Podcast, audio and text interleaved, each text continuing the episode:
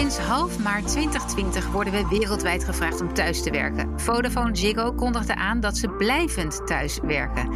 En ondernemers zeggen hier en daar hun kantoren op. Onze gast van vandaag in de werkprofessor is Kilian Wawu. Hij deed onderzoek naar de gevolgen van thuiswerken en wat de uitdagingen zijn. Kilian is organisatiepsycholoog, assistent professor aan de Vrije Universiteit van Amsterdam en gepromoveerd op beloningsvraagstukken bij banken, waar we later nog een andere podcast over gaan opnemen. Mijn naam is Wendy van Ierschot. Kilian, in jouw whitepaper, wat in november 2020 gaat verschijnen, zeg je dat werken op afstand gaat blijven en een grotere revolutie is dan de telefoon, de pc of het internet. Het gaat sneller en het heeft veel meer impact. Is dat niet een beetje overdreven? Ik denk het niet, dan zou ik het natuurlijk niet zeggen. Ehm, de reden waarom ik dat denk, is dat um, het kantoor is met thuiswerken uh, eigenlijk zijn monopolie kwijt op heel veel dingen die we vroeger op kantoor deden. En daar bedoel ik mee is dat je vroeger moest je naar kantoor om daar informatie op te halen. Nou, sinds het internet is dat al nauwelijks meer zo. Hè? Je hebt geen dossierkasten meer. Of eh, laat ik mezelf als voorbeeld nemen. Ik hoef niet meer naar de VU om daar informatie op te halen. Maar waarom ik er wel heen moest, was er omdat er mensen zaten. Uh, en dat is nu toch wel heel erg nieuw. Dat, dat er eigenlijk geen enkele reden meer is uh, een praktische reden om naar kantoor te gaan. We komen er dadelijk wel op dat er heel veel goede redenen zijn om daar alsnog te komen. Maar op zich hoef je vanaf nu, sinds corona, niet meer op je werk te zijn als je een kantoorbaan hebt. En dat is toch, dat is toch echt wel een, iets fundamenteel anders. Ja, maar goed, dat was toch ook heerlijk. Want nu kunnen we op Bali gaan zitten en daar vanuit een hangmat gaan werken. Of uh, op het strand. Uh, we hoeven, nou, met corona kan dat dus nu even niet. Maar stel dat dat wel weer kan. Ja. Uh, dan is dat toch prima? Of wat missen we dan? Ja. Ik, ik, stel expres de vraag, want ik zie best wel dat er wat bezwaren zijn hoor. Maar ja. ik graag van jou. Nou, er zijn, ook, er zijn ook echt voordelen. En ik hoop ook dat de afdronk daar van podcast is dat, dat dit een unieke kans is om, uh, om op een andere manier met werk om te gaan. Dus er liggen heel veel kansen. En er is ook bewijs dat mensen, dat sommige mensen ervan opbloeien. Dat sommige activiteiten gewoon veel beter gaan thuis. En dat het voor sommige mensen uh, uh, eigenlijk gewoon heel erg goed werkt. Ja, en als we dat concreter gaan maken, um, wat is dan hetgene waar jij je zorgen over maakt? Of waarvan je in ieder geval zegt, hé, hey, daar moeten we echt op letten om geen negatieve impact ervan te krijgen? Ja, nou er zijn dus twee kanten. Bij bijna iedere uh, uh, variabele die belangrijk is voor werk zie je dus twee kanten. Dus uh, er is bewijs dat het beter is voor prestatie. Er is bewijs dat het ook minder goed kan zijn voor prestatie. Er is bewijs dat mensen ervan opbloeien. Er is bewijs dat mensen er heel, heel erg onder kunnen lijden onder het thuiswerk. Dus je ziet een, een grote tegenstelling ehm, in die onderzoeken. En een van de verklaringen daarvoor is dat mensen nou eenmaal van elkaar verschillen. Dus uh, de, als je introvert bent, of als jij uh, uh, bijvoorbeeld al een heel groot netwerk hebt, of als jij bijvoorbeeld normaal een agenda hebt die helemaal uitpeilt van de afspraken, ja, dan is dat nu minder. Dus ja. er, zit, er zit iets heel erg dubbels in. Um, wat het anders maakt, of waar we over na moeten denken, en daar, daar komt eigenlijk mijn kritiek vandaan. Dat iedereen had dit natuurlijk zelf ook al kunnen bedenken. Van ja, aan de ene kant werkt het goed, aan de andere kant werkt het slecht. Het verschilt alleen per persoon. En nu komt de conclusie. En uh, uh, Ziggo is de eerste uh, bedrijf geweest wat heeft gezegd: je mag een, een, de helft van je tijd thuiswerken. Ja. Uh, nou, en daar gaat het mis, denk ik. Want de fout die hier wordt gemaakt, is dat, laten we even jou en mij als voorbeeld nemen. Uh, en ik ben voor het gemak even heel erg uh, introvert. Of van, van, mij hoeft het allemaal niet dat naar kantoor komen. En van jou wel. Ja. En, en dus is de conclusie, en die trekken heel veel bedrijven op dit moment, dan ga jij gewoon naar kantoor en dan blijf ik lekker thuis. Ja. Maar de fout die hier wordt gemaakt is, ik, ik heb jou nodig. En jij hebt mij nodig. Uh, en als wij, elkaar, uh, als wij elkaar tegenkomen op kantoor, dan gebeurt er iets. He, dan moet er iets gebeuren in die samenwerking, waardoor wij uh, met z'n tweeën meer zijn dan de som der delen. Ja, ja, bij 1 en 1 moet 3 zijn. Ik, ja. ik daag jou uit, jij daagt mij uit. En dat gaan wij nu ook doen in deze podcast. Dat jij vra mij vragen stelt. En ik, ik ben daar klaar. En dan heb ik weer iets, een nieuw inzicht. En ik hoop dat ik jou een nieuw inzicht geef. En zo maken we elkaar wijzer.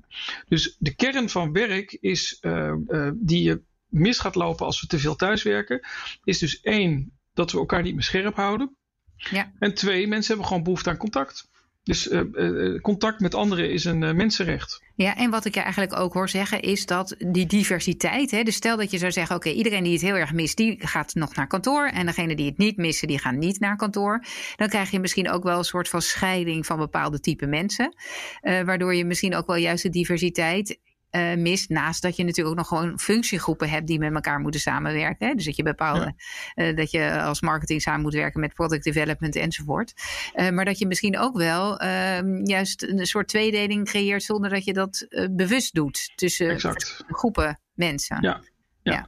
de mens is een, is een kuddedier uh, en dat is niet zonder reden, want de kans van overleven in een, in een kudde is gewoon veel groter. Ja. En uh, op het moment dat je met, z'n, uh, met een grotere groep bent, dan heb je ook diversiteit. En dan bedoel ik diversiteit in vaardigheden. want de een kan goed jagen, de ander kan goed hardlopen, de ander kan goed koken, bij wijze van spreken. Um, dus verschillende vaardigheden binnen een team zorgen ervoor dat het team een grotere kans heeft om te overleven. Dus de mens is een ultiem groepsdier. Ja. Het is ook geen toeval dat als, we, als jij naar de gevangenis moet, dan worden ook eigenlijk jouw meest basale dingen van jou afgenomen. En één daarvan is jouw contact met, met de mensen waar jij je toe uh, vindt behoren. Dus je tot een groep behoren en eruit gehaald worden, is dus ook iets, iets heel fundamenteels uh, uh, ja, wat je iemand dan afneemt. Ja, oké. Dus, dus eh, moeten we dan niet thuiswerken? Maar dat gaat gebeuren. Dat, dat is gewoon een, een beweging die, uh, die niet meer terugkomt. Nou, wat ik, waar ik voor pleit is dat um, uh, ik, ik zie nu heel veel bedrijven en die, die sturen van die vragenlijsten rond. En die, die hebben eigenlijk hetzelfde gedaan als wat, wat Ziggo nu doet. De vraag is dat hoeveel dagen in de week moeten wij nog naar kantoor? En ik heb dat zelf ook meegemaakt uh, bij een aantal projecten die ik doe. Dan, uh, op een gegeven moment mochten we weer uh, na de eerste lockdown, mochten we weer enigszins naar kantoor. En dan gaan mensen naast elkaar zitten om zich vervolgens weer te ergeren aan de collega naast ze. Ja. Dus die klappen ja, hun eigen laptop open. Ja.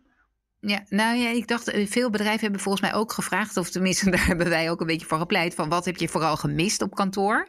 En laten we dat dan op kantoor gaan doen. Dus dat we misschien minder gaan werken op kantoor, maar meer sociale activiteiten, brainstorm sessies, dat soort dingen.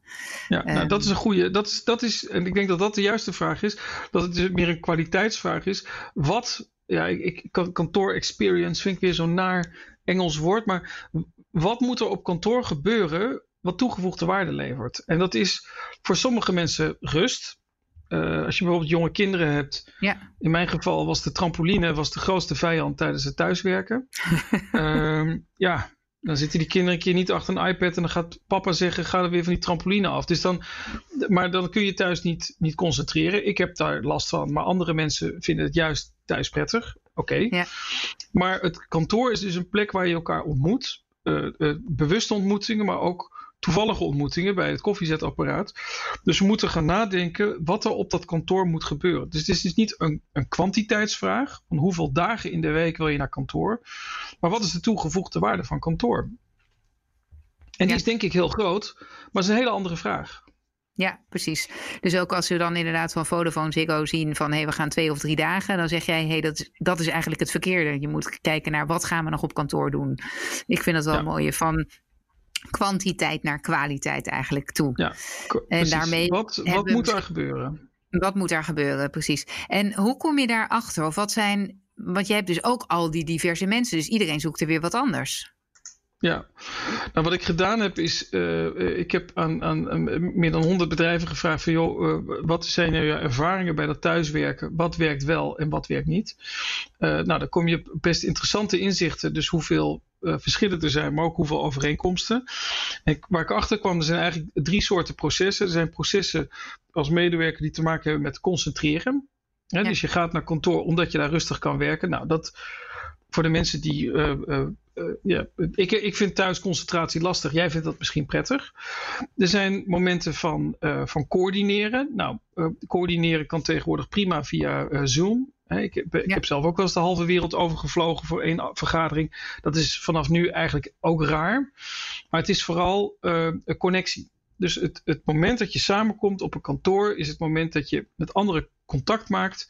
En, uh, uh, en, dan, en dan niet contact maken in de oppervlakkige zin des woords. Dus niet met z'n allen gaan flipperen en zo. En uh, dat vindt namelijk ook niet iedereen even leuk. Maar contact maken rond het werk. Ja. Dus, uh, meaningful contact geeft het een mooie naam, maar dat het gaat over verbinden op inhoud. Ja, en um, je zou ook kunnen voorstellen dat nu we niet meer centraal naar een kantoor gaan, en we steeds meer van die lockdowns krijgen en lokaler, dat we uh, niet allemaal met onze auto's rijden naar het kantoor in Amsterdam, bij wijze van spreken, naar grote toren. Maar dat je gewoon blijft bij een kantoor wat meer in jouw woonplaats zit. En dat je daar zit met misschien een paar mensen van je eigen bedrijf, maar ook met mensen van andere bedrijven. En dat het misschien wel meer creativiteit bij het koffiezetapparaat um, doet opbloeien dan dat je met z'n allen in het kantoorgebouw uh, zit van dat bedrijf. Zie je dat ook als een nieuwe ontwikkeling die gaat komen? Ja, nou hier zie je een groot verschil tussen het soort bedrijf. Ik, ik werk met een aantal organisaties die heel veel uh, met vertrouwelijkheid te maken hebben. Daar is dat uh, onbespreekbaar. Ja. Uh, er zijn ook organisaties die. Als je dan met mensen van andere organisaties spreekt, dan moet er dus enige mate van synergie zijn of kruisbestuiving. Dus je ziet nu wel van die kantoorpanden waar veel start-ups samenkomen. Maar de vraag is altijd: wat kun je dan van elkaar leren? Uh, en vaak zie je toch dat mensen behoefte hebben, uh, uiteindelijk vooral met collega's die ongeveer in hetzelfde vakgebied zitten. Ja. Dus ja, ik denk antwoord op je vraag. Ik denk op wat uitzonderingen na. Uh, want als je bijvoorbeeld echt heel creatief bent en je zit heel dicht bij je klant, dan kan dat natuurlijk synergie opleveren. Dat je met je eindgebruiker zit. Dus dat, dat kan echt wel wat opleveren. Maar in de regel merk je toch dat mensen op zoek zijn naar contact met collega's. En ik weet dat ik mezelf herhaal. Dat is niet oppervlakkig contact. Dus niet samen uh, flipperen. En ik zie de meest creatieve dingen nu ontstaan. Maar het is echt uh, contact. de glijbaan af. Ja. ja, glijbaan en zo. Het moet vooral leuk zijn. Maar dat, dat geldt maar voor een deel van de mensen dat het leuk moet zijn. maar het, dat, het, dat het zinvol is voor je eigen ontwikkeling. Ja, dus, dus, dus, adviseer je dan bedrijven om te zeggen: Oké, we hebben drie typen processen: concentreren, coördineren en connectie. En kijk wat daarvoor nodig is van jouw medewerkers. Hè. Ga met ze in gesprek. En faciliteer dat in de mate waarop daar uh, naar uh, verzoeken naartoe komen. Ja, Inderdaad, er zit alleen nog één addertje onder het gras. Dat is uh, wat mij ook opviel, is dat de groepen die het meeste uh, baat hebben bij deze situatie, bij dat uh, permanent thuiswerken, en de groepen die er het meeste last van hebben, dat dat heel oneerlijk verdeeld is in de samenleving. Ja. En ik ben ook niet de eerste die zegt dat bestaande kloven op dit moment groter worden. Ehm, maar ik merk vooral dat jongeren er meer last van hebben dan mensen die wat ouder zijn. Waarom is dat? Um, en dat is raar, want je zou zeggen, die hebben voordeel op, het, op technisch gebied. Ik merk aan mijn eigen studenten aan de VU. Ik heb nog nooit meegemaakt dat een student niet weet hoe die moet aanloggen. En ik heb nog nooit meegemaakt in een vergadering dat iedereen die wat ouder is wel goed kan aanloggen. Dus qua, qua, ik weet niet of het jouw ervaring is. Uh, nee, ja, er zit inderdaad wel uh, ja, een verschil in. Dat je, inmiddels heb je allerlei bingo's en zo van uh, je geluid staat niet aan. Of je, nou, dus elke keer is wel weer wat. Dus technisch hebben jongeren een voordeel. Maar het verschil is, en het heeft mij ook even geduurd voordat ik dat doorhad, is dat mensen zo, uh, als ik zo, zo vrij mag zijn, jij en ik, want we zijn volgens mij ongeveer van dezelfde generatie. Ja. Uh, wij hebben al een netwerk. En uh, wij, hebben een, wij hebben al ervaring. En de, de kennis die wij ophalen van anderen, dat, nou ja, dat doen we bij wijze van spreken nu tijdens deze podcast. Maar als jij 24 bent en je komt net van HBO eh, of, uh, of van school, um, dan ben je op zoek naar kennis die zit in de hoofden van de mensen om je heen. Ja. En, en nu komt het gevaar, is dat alle, hoe hoger in de boom ik het gesprek had, hoe meer voordelen ze zagen van thuiswerken. He, dus uh, minder CO2-uitstoot, minder kantoor, minder. Dus het, spaart allemaal kosten uit. Terwijl die, die, jongeren, die hebben behoefte aan, aan ons, aan jou en mij. Ja. En het vervelende is, de mensen die naar deze podcast luisteren, dat zijn waarschijnlijk ook beslissers die denken in heel veel kansen, die er ook zeker zijn. Maar vergeet niet dat heel veel jongeren behoefte hebben aan kantoor. En dat is niet omdat ze zich vervelen, maar omdat ze kleiner bij huis zijn, uh, minder goede faciliteiten hebben. Je zou maar een klussende buurman hebben deze dagen. Um, of gewoon minder kennis. Ja. ja, en ik vind het wel aardig wat je zegt, want um, we zijn heel erg geneigd inderdaad optimistisch te zijn of misschien onze eigen voordelen ook te plakken op de jongeren, dat het voor hun ook zo is. En zij zijn misschien ook nog wat minder uh, bekwaam om zich goed uit te spreken daarover. Omdat er natuurlijk ook voor hun misschien wel voordelen aan zitten. Maar, en je wil ook niet lastig zijn naar je baas toe. Je wil ook niet inflexibel ja. overkomen. Ja. Dus wat zou wat mij opvalt, uh, weet niet, wat mij opvalt is dat mensen van. Ik, ik, ik weet niet of je het vervelend vindt als ik het steeds over onze generatie heb. Maar, niet erg, niet erg. Helemaal goed. Je hebt er uh, hele tijd. Uh, dat die, uh, als die over jongeren praten als in schoolverlaters, is het vaak een hele negatieve termen. Van het zijn uh, prinsjes en prinsesjes en ze kunnen nergens tegen. En ze, zeg terwijl het een hele betrokken generatie is, die, die veel meer bezig is vaak met het milieu en die echt bezig is met ontwikkeling. En dat heel belangrijk ja. vindt. Ja. En bij ontwikkeling hoort contact met andere mensen. Dat is een, een, een heel, iets heel fundamenteels waar ik achter kwam. Uh, is het contact met andere mensen is, is ontwikkeling. En uh, dat ontnemen we ze. Uh, dus ik, ik, zou ik hoop dat de mensen die naar dit geluisterd hebben. niet alleen maar over ja, de jeugd van tegenwoordig praten als verwende, verwende nesten. Maar juist een groep die behoefte heeft aan ontwikkeling. En daar hoort contact bij. Ja. Ja. Nou, en dus als Ziggo zegt we gaan voor de helft uh, uh, van de week gaan we thuiswerken, dan kan het dus gebeuren dat als jij net die eerste twee dagen van de week werkt en, en die ander, de andere helft van de week, dan loop je elkaar mis. Precies, en daarmee ontnemen ze eigenlijk ook een ontwikkelkans. Exact. Je moet heel goed nadenken over dat exact. je verschillende groepen tegelijkertijd laat werken op kantoor. En dat exact. je niet net zoveel afstand gaat houden of juist elkaar niet ziet terwijl je op kantoor bent. Maar dan juist die interactie stimuleren. En dat ook over verschillende generaties en leeftijdsgroepen heen. Exact. Want het is ook andersom zo, hè? dat, uh, dat uh, juist de wat oudere generatie heel veel behoefte heeft aan contact met de jongere generatie. Ja. Om uh, de creativiteit en de vernieuwing en de innovatie te zien gebeuren. En daar weer hun ja. ervaring op te delen. Ja, nou, dat, en dan, dan kom ik weer op dat fundamentele punt waar ik achter kwam. Is dat uh, ik ben een tijd vrijwilliger geweest in de gevangenis. Dus ik zeg altijd voor de grap, ik ben heel vaak in de gevangenis geweest, maar het was ja. echt als vrijwilliger. Uh, en daar worden drie fundamentele dingen van je afgenomen: je, je contact met je eigen netwerk, je mogelijkheid om te groeien. En je eigen autonomie. Dus het beslissen, het maken van eigen beslissingen. Nou, dat, iedereen die een, een boekje kent over HR, die weet dat dit de drie basisprincipes uh, uh, uh, zijn van werk. Dus autonomie, verbondenheid en groei. Ja. En het zijn precies die, dring, die drie dingen die op dit moment onder vuur liggen. op het moment dat je verplicht thuis zit. Ja. Dus mensen Hoewel ervaren minder ik... autonomie. Over dat, over dat groeien denk ik wel. Er zijn natuurlijk ook weer juist heel veel online mogelijkheden. aan Je kon gratis studeren aan Harvard. Uh, ja. uh, hè, dus, dus er, er, zijn wel weer online heel veel mogelijkheden om wel te groeien, denk ik. Maar, ja. maar eigenlijk zeg jij ja, maar je hebt als jongere ook ons nodig. Of meer ervaren mensen nodig. En, en, en ik heb jou nodig. Ja. Het is niet alleen maar dus uh, de jongeren, maar heel veel uh, uh, informatie zit in de hoofden van mensen. Ja. En dus bij Harvard kun je waarschijnlijk een prachtige cursus doen, HR.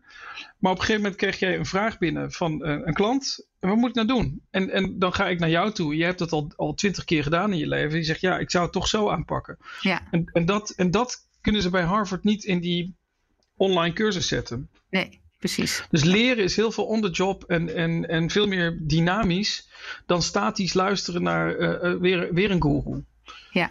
Wat vind je dat de, ja, de belangrijkste dingen eigenlijk zijn die waarvan je denkt van dat moeten mensen gewoon nu gaan doen? Nou, we zitten natuurlijk uh, op, op het moment van opname nog in een, in een uh, lockdown situatie. Dus voor een deel ben je nu echt uh, gebonden aan de regels zoals het RIVM ze stelt. dus voor een deel is het, is het lastig. Ja. Dat, maar ik merk dat mensen zoeken nu verbondenheid online. En, en ik, ik zie heel veel van die borrelboxen. Uh, uh, met name het sociale aspect wordt dan vooral weer teruggehaald, maar dan online. Hè, laten Ja. we samen borrelen, maar dan online. Ik heb toevallig vanavond ook een online borrel. Nou, hartstikke leuk. En toch merk ik dat um, als het om groei gaat, er is een fantastisch mooi artikel ooit geschreven met de term of met de titel: Medewerkers willen de feedback die jij niet wil geven. Ja. Oh, dat zullen we even opzoeken en uh, in, in de show Ja, notes het is, zetten. het, is, het, is, het is in het Engels, het is, uh, uh, het is van de Harvard Business Review, maar dit was de, de vertaalde uh, titel. Ja. En ik denk dat die, die titel vertelt denk ik heel veel, is dat mensen willen graag groeien en willen graag horen wat ze goed doen en niet goed doen. En vreemd genoeg, en dat is een advies wat ik ook aan, aan de luisteraar zou willen geven, is dat als je verbonden wil zijn, is dat dus veel meer dan nou ja, het oppervlakkig verbonden zijn, maar is het bieden van groei. Ja. ja en het, het, het leuke is dat iedereen die kinderen heeft of kinderen verzorgt, uh, dit waarschijnlijk herkent. Namelijk dat, je, dat opvoeding is het, het geven van groei. Ja. En doorlopend met elkaar in gesprek met als doel groei. Nou, dat doen we in privérelaties gaat dat vaak fantastisch. Zelfs met de hond gaat dat fantastisch. uh, en de kat is serieus. Mensen uh, voelen dan perfect aan. Uit, uit, uit pure liefde uh, geven ze, hebben ze de tijd voor je om jou te laten groeien. En dan komen ze op het werk en dan is het alleen maar afrekenen. Ja. dus een van de dingen die je zou kunnen doen is zorg dat je je richt op groei. En dat betekent dus ook dat je vertelt wat er niet goed gaat. Ja. En mensen willen graag gezien worden. Dus een van de dingen die ik ook, wat mij ook opviel, is dat het aantal mails mailverkeer neemt toe tijdens uh, zo'n lockdown. Want mensen willen het idee hebben dat anderen zien wat ze aan het doen zijn. Ja. ja, want dat is nog wel een, een, aardig om even op in te zoomen. Want ik weet dat je daar ook veel ervaring in hebt. Het online, online of het remote zien wat mensen eigenlijk aan het doen zijn. Ja. Ehm, is voor veel leidinggevenden ingewikkeld. Ehm, die hebben dan de neiging, bij wijze van spreken, dat ze willen uh, gaan controleren of mensen wel uh, genoeg typen. Of je hebt tegenwoordig van die programma's, hè, dat je een soort van online kan uh, spioneren. Nou, dat, dat lijkt ja. me iets waar we sowieso niet naartoe moeten. heb je daar nog tips voor of ervaringen te delen voor de luisteraar? Van hoe hou je dan in de gaten wat mensen doen en hoe geef je ze feedback hoe je dat goed doet? Ja, nou een van de belangrijkste factoren die, uh, en om even te blijven in de metafoor die ik net gaf van, uh, van een gezinssituatie of een privésituatie, is dat mensen uh, in die situaties vaak tijd voor elkaar maken. Um, en een van de dingen die leidinggevenden zullen moeten doen, is het tijd vrijmaken voor hun mensen om te laten zien dat ze weten wat ze eigenlijk aan het doen zijn. Ja. en dat vreemd, betekent dus vreemd genoeg, een beetje paradoxaal, dat je dus ook laat horen wat je niet goed vindt. Um, Precies, maar, maar veel mensen zullen dat opvatten van oké, ik maak een Zoom-afspraak en dan ga ik het hebben over wat ik jou heb zien doen. Terwijl je natuurlijk ja. ook heel veel dingen niet ziet. Want voor veel leidinggevenden was hun beoordelingsvermogen ook omdat ze langs liepen, omdat ze de een wel zagen, veel zagen overleggen met iemand en de ander stilletjes achter hun bureautje zagen zitten. Ja, dat zie je nu natuurlijk wel minder. Het is minder goed te zien, misschien wat mensen echt aan het doen zijn. Een van de dingen die je kan doen, ik, ik heb nu bij een paar organisaties dat uh, zien, een paar best practices, waar bijvoorbeeld collega's veel actiever uh, aan het presenteren zijn naar elkaar in hele korte uh, pitches wat ze aan het doen zijn. Ja. He, bijvoorbeeld uh, uh, uh, vijf minuten pitch wat je aan het doen bent. Ik kwam in één keer van collega's van de VU achter wat ze aan het doen, aan het doen waren, wat ik helemaal niet wist. En dat, dat is een manier, en elkaar daar misschien ook wat, wat feedback op geven of elkaar een beetje helpen. Maar het is een manier dat je laat zien wat, wat de ander doet. En ja. nog een aardige metafoor in deze, als, als geheugensteuntje. omzien naar elkaar, zien wat de ander doet, is in het Latijn betekent res, is respect. Respect, re is terug, hè, spectere is, is ja. zien omzien.